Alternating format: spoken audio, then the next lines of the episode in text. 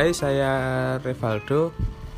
Saya ingin memulai debut saya dalam dunia perpodcastan, terutama untuk wadah sebagai wadah saya untuk sharing-sharing kepada kalian mengenai masalah gadget mulai dari smartphone, smartwatch dan lain sebagainya.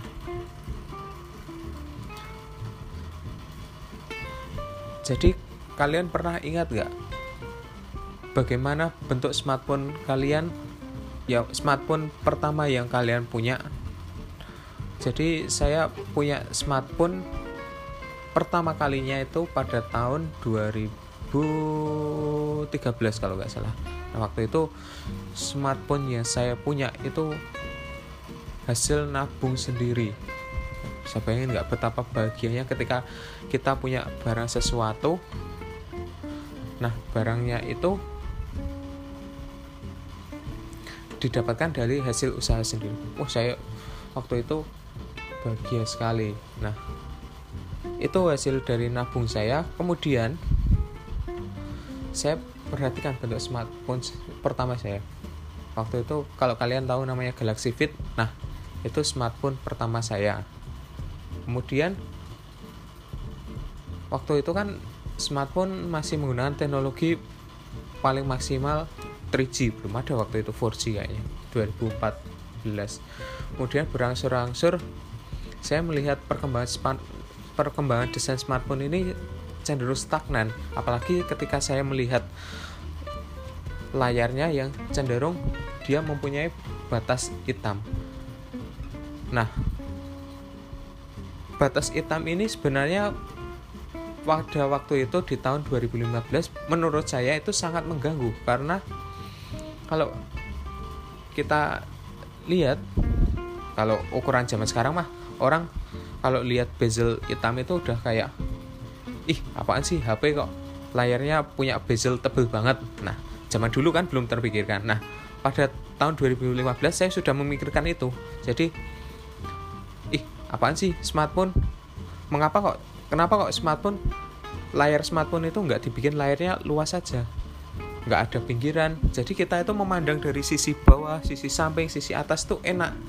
Smartphone bisa dilihat sini dari sisi samping itu bisa nampak lebih elegan dan terlihat gitu loh. Kalau kalau punya bezel kan dilihat dari samping. Itu kan kayak terlihat pandangannya terlalu sempit pada layar smartphone. Nah waktu itu saya juga kepikiran. Oh iya layar smartphone. Cobalah aku waktu itu aku gambar gambar desain smartphone kan. Asal-asalan sih waktu itu kan tren desain smartphone kan mengacu pada iPhone. Meskipun sampai sekarang masih sih kayaknya. Nah pas saya gambar saya benar-benar taruh layarnya itu full tanpa bezel. Istilahnya sekarang bezelless. Benar-benar full jadi nggak ada pinggiran sama sekali. Waktu itu saya setelah saya gambar gambarnya itu gambar desain smartphone yang masih bagian depannya saya lantas berpikir oh iya buat naruh kamera depan di mana ya? Terus kemudian waktu itu di tahun 2015 teknologi fingerprint itu benar-benar teknologi yang wah sekali. Nah maka saya bingung ini fingerprint teknologi mau ditaruh di mana? Terus kemudian kamera depan mau ditaruh di mana juga? Nah saya waktu itu ada pikiran terbesit langsungan apakah kelak lima tahun ke depan smartphone ini bisa menciptakan teknologi fingerprint dalam layar kamera dalam layar? Nah saya kemudian berpikir dan ya cuma hanya berpikir aja terus tanpa karena waktu itu saya masih SMA kelas 2 saya nggak ada orang dalam istilahnya yang untuk membahas ide saya. Kemudian lambat laun jadi proses ketika memindahkan teknologi fingerprint di body hingga ke dalam layar itu butuh tahun lima tahun. Ya benar gak sih? Jadi baru di tahun 2019 ada lebih tepatnya 2018 eh 2019 lagi marak hmm, Invenger Display namanya. Padahal saya sudah memikirkannya jauh-jauh eh sudah memikirkan bahkan bukan jauh-jauh hari lagi lima tahun yang lalu sudah saya kepikiran mengapa fingerprint yang tadinya di body tidak dipindahkan ke dalam layar untuk memaks meminimalisir bukan memaksimalkan meminimalisir dan untuk memaks iya memaksimalkan juga sih. Memaksimalkan bagaimana layar itu bisa terlihat indah dengan full pada bodinya. Kemudian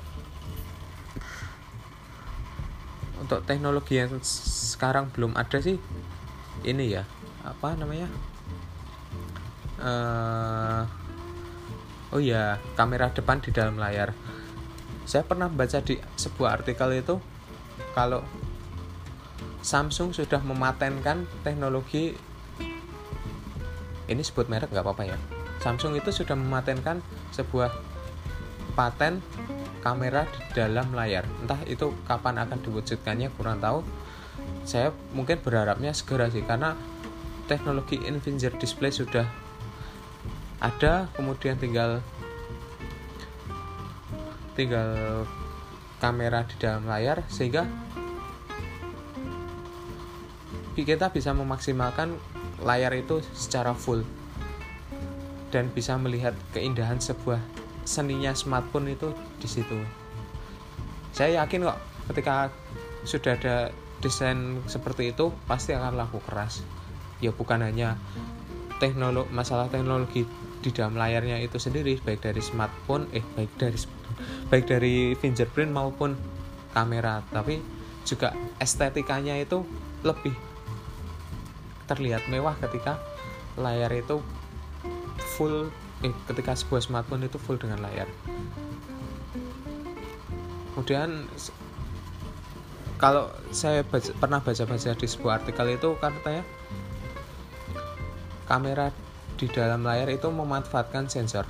Entah sensor seperti apa kita tunggu perkembangannya. Coba akan saya cari-cari lagi mengenai hal itu. Semoga ya kalau harapan saya sih semoga ke depannya teknologi kedua teknologi itu secepatnya di di eh, diwujudkan untuk smartphone di tahun 2020 ke atas. Kemudian apa sih tren 2000 tren smartphone pada tahun 2020? Saya punya prediksi kalau tren smartphone dalam 2 tahun ya, 2 tahun atau tiga tahun ke depan itu kurang lebih 5G itu sudah menjadi kebutuhan yang wajib karena 5G kan udah ditemukan lumayan lama ya nggak dihitung lama juga sih nah, tapi kalau tidak ada implementasinya penemuan itu kan sama saja makanya smartphone dalam 2 tahun sampai 3 tahun ke depan trennya lebih ke arah 5G kemudian saya membaca lagi ketika Samsung sudah mendobrak mendobrak tradisi dengan smartphone lipatnya apalagi sudah dipasarkan secara luas maka tren ke depan bagaimana smartphone itu terlihat sangat minimalis di ketika dibawa orang. Jadi misalkan nih smartphone yang bentuknya udah minimalis bisa dilipat dan lain sebagainya. Nah mungkin teknologi selama 5 tahun sampai 10 ke depan mungkin kita nggak kita nggak bawa fisik bentuk smartphone itu.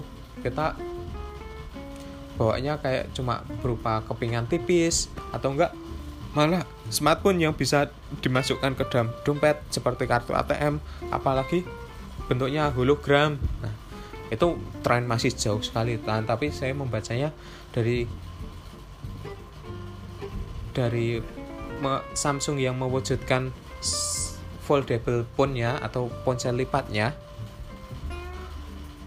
Itu dengan maksud untuk meminimalkan bentuk smartphone-nya dan nanti yang jangka panjang ya bentuk minimalisir smartphone itu bisa berupa hologram dan lain sebagainya.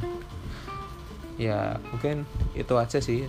Mungkin saya akan lihat-lihat lagi lebih banyak baca lagi. Terima kasih telah mendengarkan podcast saya. Ya maaf kalau masih ada kurangnya karena ini baru debutan